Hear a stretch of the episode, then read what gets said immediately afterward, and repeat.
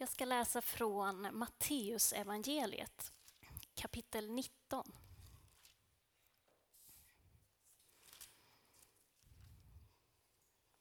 Eh, vers 16. En man kom fram till Jesus för att han skulle lägga händerna på dem och be. Nu blandade jag ihop två verser.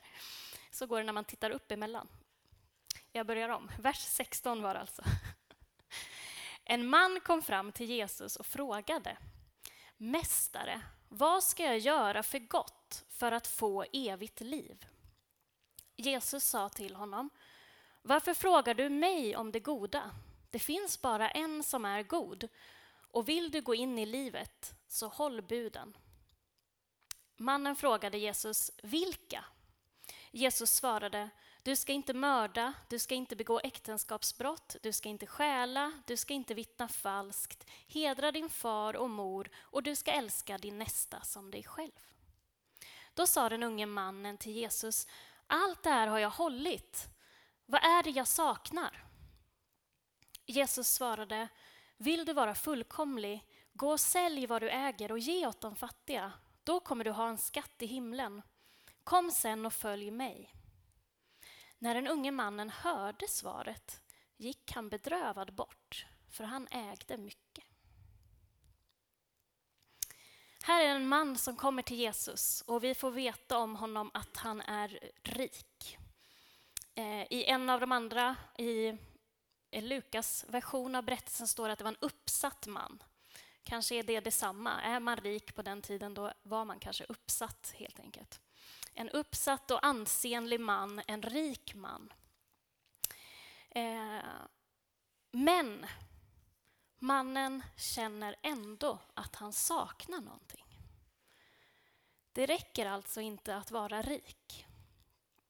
Eh, och jag har hört, sett på internet att skådespelaren Jim Carrey, han ska ha sagt så här.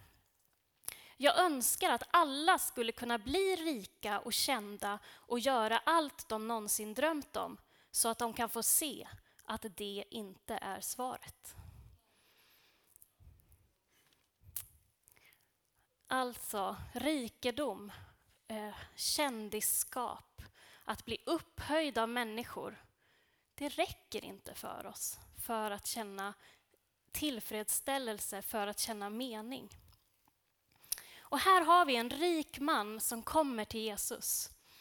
Och vi ska stanna till vid, vid vissa begrepp i den här texten. Han frågar efter vad då? Jo, han frågar efter evigt liv. Vad ska jag göra för gott för att få evigt liv? Vad menar han? Vad är det han frågar efter? Vad är det här eviga livet? Eh, och då har jag kollat på alltså, vad, vad står begreppet evigt liv för i Bibeln. Vad är det man menar?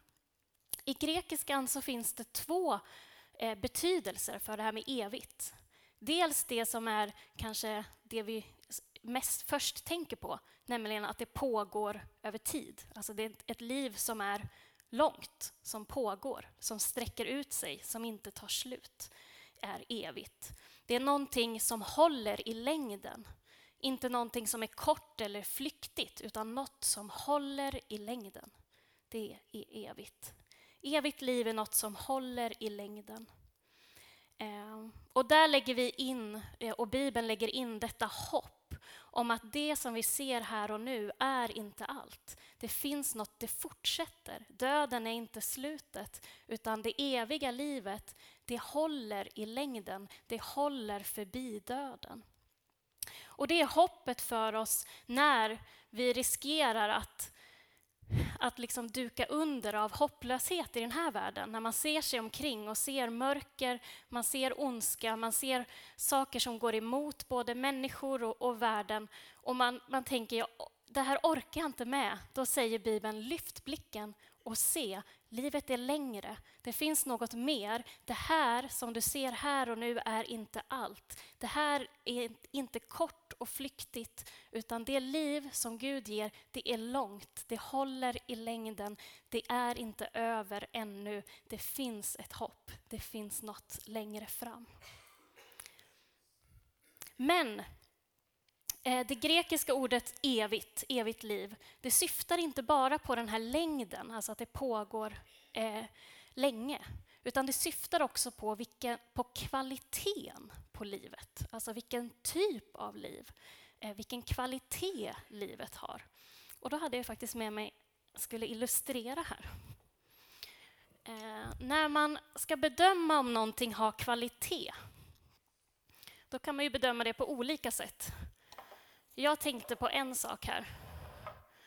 På långt håll, eh, ni som sitter en bit bort, så kanske de här muggarna ser ganska lika ut. De är svarta eh, båda två. De fyller samma funktion. Man kan hålla i dem, man kan dricka ur dem. Eh, men när jag lyfter på dem, då känner jag skillnaden. För den här är gjord av plast och den här är gjord av porslin. Den här är mer gedigen, mer stabil. Det finns en tyngd här som talar om en, att porslin har en annan kvalitet än plast. Eh, plast kan vara bra på sitt sätt, men, men en sak som, som man, när man kan bedöma kvalitet kan ju vara att känna hur det känns och hålla i dem. Tyngd talar för att det är gedignare, stabilare, eh, bättre kvalitet. Och jag tänkte på det när jag tänkte på vad om man har livet och det eviga livet. Att det eviga livet är ett liv av tyngd, av, och då menar jag betydelse. Det är, bara, det är inte som plast som bara kan fladdra iväg, man kan lätt slå till det och så ramlar det bort. Utan det eviga livet har en tyngd, är fylld av betydelse och mening. Det finns en kvalitet eh, Eh, på livet. Eh, att det är ett liv av betydelse, ett, ett meningsfullt liv. Så i våra liv så är det väsentligt att fråga vad är det i mitt liv som är beständigt? Vad är det i mitt liv som håller i längden? Och vad är det i mitt liv som är gediget och tungt eh, och som har verklig betydelse? Och den frågan är det som mannen kommer till Jesus med vad ska jag göra för, ett, för att få ett liv av tyngd, av kvalitet? Ett liv som betyder någonting, som är meningsfullt. Eh, och vad ska jag göra för att få ett liv som håller i längden? Eh, som, som är mer än bara här och nu. Så det är hans fråga. Men jag tycker också det är spännande att han kommer till Jesus med just den här frågan. För det är det som är, vi får veta så väldigt lite om människorna i Bibeln. Vi får bara en liten ögonblicksbild. Vi vet ingenting om den här mannen. Och vi vet inte vad han hade hört om Jesus. Eh, hur kommer det sig att, det är att, att han kommer till Jesus och ställer den här frågan? Eh, är det så att han har hört eh, andra folk ställa frågor till Jesus? Fariseerna, sadduceerna och de skriftlärda de kommer ofta med frågor till Jesus. Eh, men det är frågor som oftast inte är ställda av en ärlig undran, utan de ställer frågor för att sätta dit honom. Gång på gång eh, så ser vi i texten att det står att fariseerna kommer för att sätta Jesus på prov. De ställer frågor som, vilket är det viktigaste budet i lagen? Och är det rätt eller inte att betala skatt till kejsaren? Och den här kvinnan har begått äktenskapsbrott. Ska vi stena henne? Men det är inte frågor som de ärligt vill ha svar på, utan de utmanar Jesus. De kommer till Jesus för att testa honom och de vill ju sätta dit honom. Men han klarar alla de eh, situationerna, Jesus, och vänder på deras frågor och avslöjar för dem eh, att de inte alls är beredda att omvända sig utan enbart kommer till Jesus för att ställa honom till svars. Så kanske har den här mannen varit med eller hört när Jesus har svarat på frågor och tillrättavisat fariseerna och de skriftlärda. Kanske har, Jesus, eller har den här mannen varit med när Jesus har undervisat med makt som ingen annan, så som det står i texten. Eller kanske har han sett och hört talas om att Jesus har botat en mängd sjuka. Kanske har han hört talas om brödundret, att 5 000 människor, eller män och kvinnor och barn fick eh, bli mätta av så få bröd. Kanske har han till och med hört berättelsen om att Jesus har gått på vattnet. Och kanske har han hört talas om att Jesus går utanför de gängse normerna. Att han är den som går fram och rör vid spetälska. De som skulle hålla sig på avstånd och långt borta.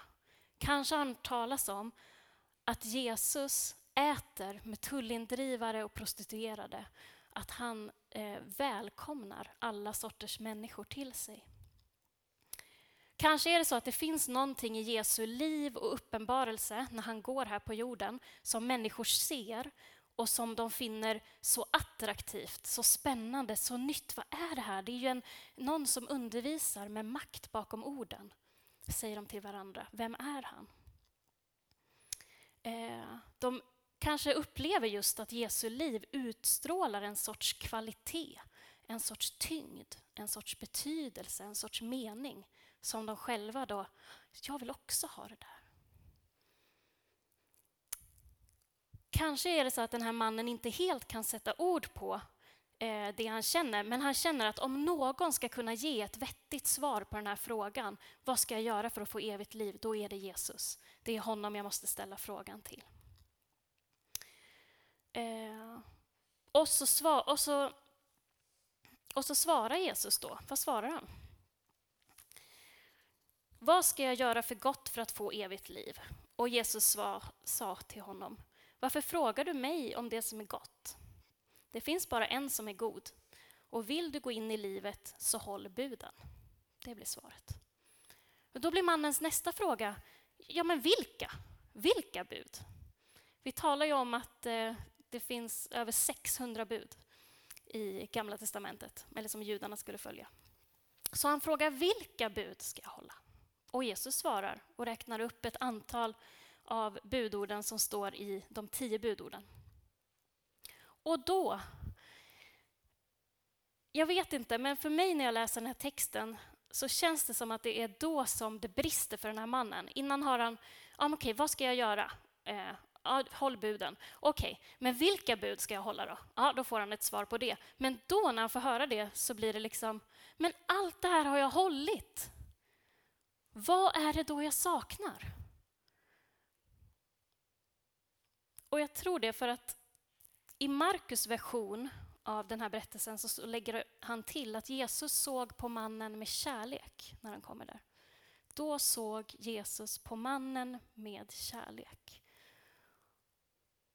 Och här ser jag igen, alltså Jesus ser motivet bakom den här mannens fråga. Det här är inte en man som vill sätta dit honom med sin fråga. Utan det här är en man som kommer med ett ärligt, öppet hjärta. Det här är min ärliga fråga. Jesus, det här är det jag inte förstår och inte vet vad jag ska göra med. Då såg Jesus på mannen med kärlek. Jesus ser det äkta. Eh, det äkta bakom det som vi säger eller uttalar. Eh, när det inte bara är ytliga frågor utan när det är våra hjärtan och det som vi djupast sett längtar efter, då ser Jesus på oss med kärlek. För han älskar när vi släpper masken och våra fromma fasader och säger till Jesus som det verkligen är. Det här längtar jag efter, det här förstår jag inte, det här vet jag inte vad jag ska göra med. Jesus, hjälp mig. Då såg Jesus på honom med kärlek. Och så börjar han då på sitt svar och säger Vill du vara fullkomlig? Och här måste vi stanna lite grann, för jag studsar på det ordet. Fullkomlig. Vad betyder det? Vad, men, vad menar Jesus här? Eh, för min spontana reaktion är att fullkomlig låter som perfekt. Att kunna allt, eh, att göra allt rätt att vara bäst? Eller är det det som Jesus menar? att vi ska bli perfekta. Att det går att nå liksom en högre nivå av lärjungaskap. Det är dit vi ska, vi ska bli bäst. Men jag tror inte att ordet perfekt, jag vet inte ens, det kanske finns i Bibeln, men jag, jag är tveksam till om det finns i Bibeln. Alltså inte ens Edens lustgård var perfekt. Utan det det står är att allt som Gud skapade var gott. Det var gott.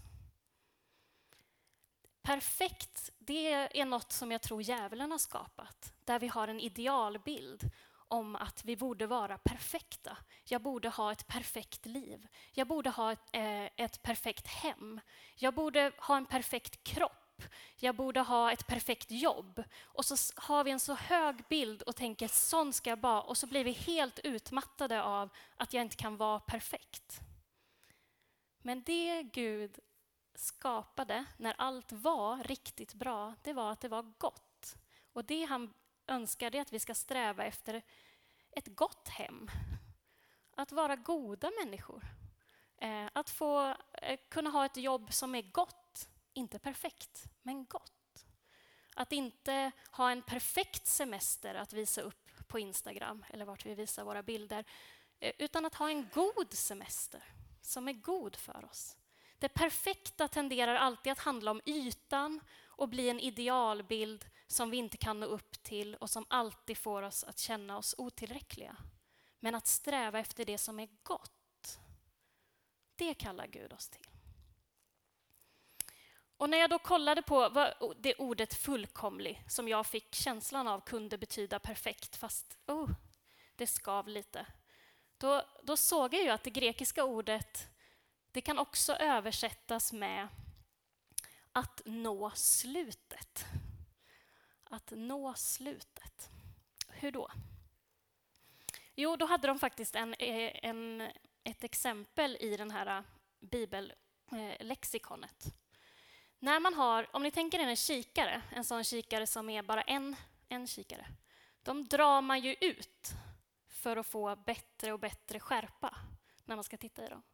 Och Det var på det sättet de menade att nå så långt så att man får en sån bra skärpa så att man ser så bra som möjligt. Att bli fullkomlig eh, handlar alltså om att kunna se så bra som möjligt på livet. Att se så sant som möjligt på livet. Att se så sant som möjligt på sig själv. Att se så sant som möjligt eh, på eh, Gud och vem Gud är och vad han vill.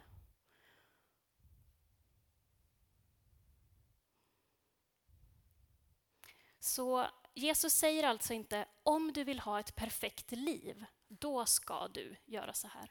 Utan han säger om du vill att livet ska fungera med sin fulla kapacitet, om du vill att livet ska ha skärpa, om du vill att livet ska ha betydelse, ett liv där du kan se meningen bra, se betydelsen. Eh, och om du vill ha ett liv med tyngd och med kvalitet, då ska du sälja allt vad du äger och ge åt de fattiga. Då kommer du att ha en skatt i himlen. Kom sen och följ mig. Sälj allt du äger och ge till de fattiga. Jesus säger det här vid ett antal gånger i Bibeln till människor, men inte alltid. Och just här så tror jag att det handlar om att Jesus säger att gör dig av med saker som står i vägen i ditt liv. Som står i vägen för att du ska kunna prioritera eh, rätt. Prioritera på ett rätt sätt och följ för att kunna följa mig. Jesus svar handlar inte här om välgörenhet. Det viktigaste här är inte alltså själva välgörenhetshandlingen. Varför då? Jo, därför att det var ju vad han frågade efter i första frågan. Mästare, vad ska jag göra för gott för att få evigt liv? Det är vad han frågar efter. Men Jesus svar handlar inte om att du ska göra för att få evigt liv. Det är inte själva givandet i sig som skulle göra att du skulle få evigt liv. Det var vad mannen trodde. Säg mig bara vad jag ska göra eh, så, får, så att jag får evigt liv. Men det handlar inte om den själva den goda gärningen i sig själv. Det är viktigt. Det är viktigt att dela med sig till den som inte har. Men det Jesus säger, gör dig av med det som står i vägen i ditt liv för att kunna följa mig. För vissa är det rikedom. För någon annan är det någonting annat. Stolthet eller eh, rädsla kanske. Men Jesus säger, sälj det. Gör dig av med det som står i vägen för att kunna följa mig.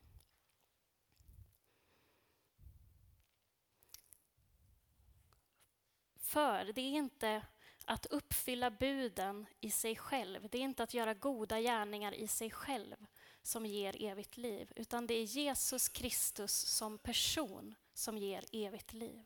Så det som står i vägen för Jesus i ditt liv hindrar dig från att ta emot det eviga livet. Eftersom det är Jesus som ger det. Jesus säger i Johannes 17 så säger han så här. Detta är det eviga livet, att de känner dig, den enda sanne guden och den som du har sänt, Jesus Kristus. Detta är det eviga livet, att de känner dig, den enda sanne guden och den som du har sänt, Jesus Kristus. Så Jesus uppmanar mannen, det som står i vägen, för att du ska kunna följa mig. Det som står i vägen för att du ska kunna lära känna mig, gör dig av med det. Och vi ser ju att Jesus träffar på exakt den ömma punkten som just den här mannen hade i sitt liv. Han gick bedrövad därifrån. Han var inte beredd att släppa sin rikedom. Så det var just det som stod i vägen för att kunna följa Jesus för honom. Han klarade inte av att släppa det. Han valde att inte gå med. Men det jag vill skicka med till oss kring Jesus svar till den här mannen.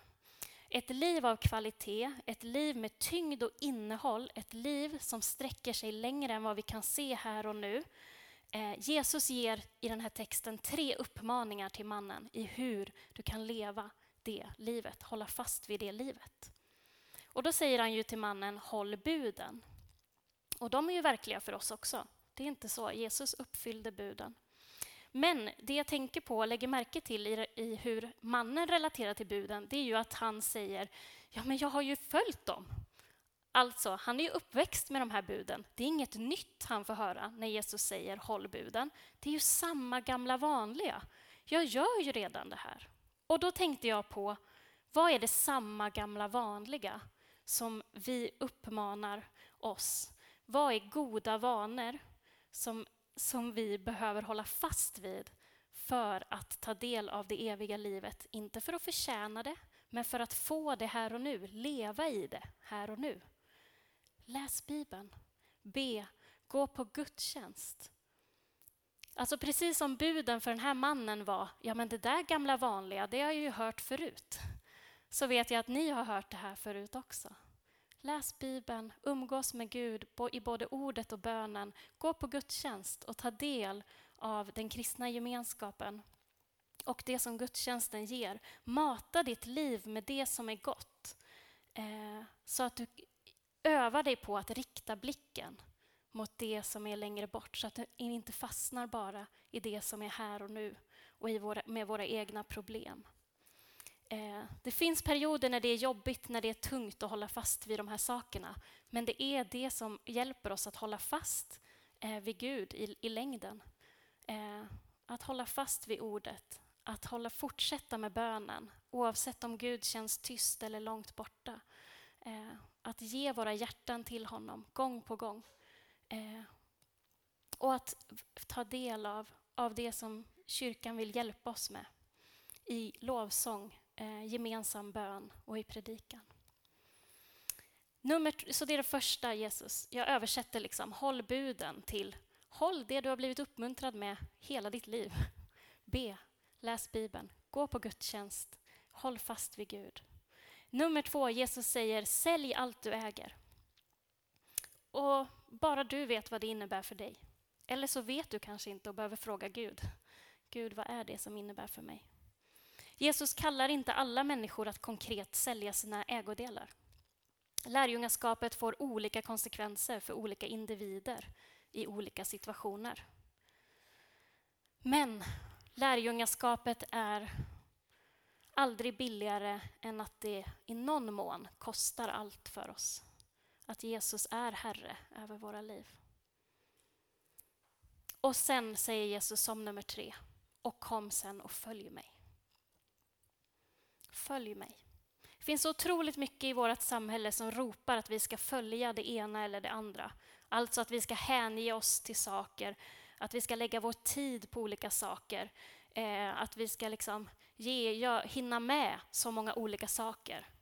Eh, men Jesus säger, följ mig i allt detta. Följ mig i allt detta. Det är vad vi kallas att göra. Så att vi lever det här eviga livet redan här och nu. Livet med tyngd, med betydelse, med mening, med kvalitet. Och så att det hjälper oss att fästa blicken längre fram. Att livet inte tar slut, att livet inte bara är här och nu. Utan hoppet om att det också är, håller i längden. Det håller i längden att ge sitt liv till Jesus. Vi ber tillsammans.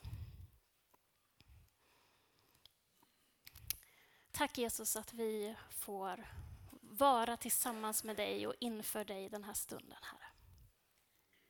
Att vi får möta dig genom bön och genom sång och genom bibelordet, Herre. Tackar dig att vi har fått eh, spegla oss i den här bibelberättelsen, Herre, med den här mannen. Hans situation var på ett visst sätt, vår situation kanske ser annorlunda ut, men det är till dig vi kan komma med det vi bär på, de frågor vi har. Eh, och du ser på oss med kärlek, Herre. Du ser på oss med kärlek. Och du vill i kärlek guida oss och vägleda oss och visa oss vad som är gott för oss, vad som är gott i våra liv, Herre. Och hur vi kan få ta emot det eviga livet redan här och nu. Heliga Ande, vi behöver verkligen mer av ditt liv i oss, Herre. Det är så lätt att bli hopplös och modlös, Herre, när vi ser oss omkring och saker händer som är hemska och jobbiga. Jesus, vi behöver få lyfta blicken och se på dig, Herre. Hjälp oss med det. Hjälp oss att fästa blicken på dig. Vi behöver dig, Herre. Mer än något annat behöver vi dig, Herre.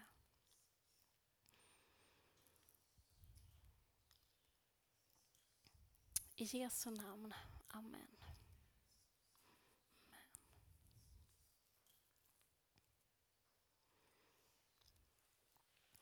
Vi ska fortsätta i bön och lovsång och ta, ta den här stunden av att få vara inför Gud. Några av oss kanske har det enkelt i vår vardag, men för några av oss så har vi fullt upp. Eh, och det är svårt att ta tid för bön och lovsång. Men du är här nu. Det spelar ingen roll hur det var i veckan, men nu är du här. Och Gud är här. Så nu kan vi komma inför honom. Vi kan börja med att stå upp om man orkar för benens skull och sådär. Så har vi förberett ett antal lovsånger och det finns möjlighet att komma fram till förbön. Jag finns tillgänglig som förbedjare. Ni kan också be bara i bänkarna. Om du vill att den som står bredvid dig ska be för dig eller om du bara vill stå i egen bön. Men låt det här få vara en stund där vi, där vi bara är inför Jesus och tillsammans med Jesus. Han ser på dig med kärlek och han vill möta dig där du är just nu.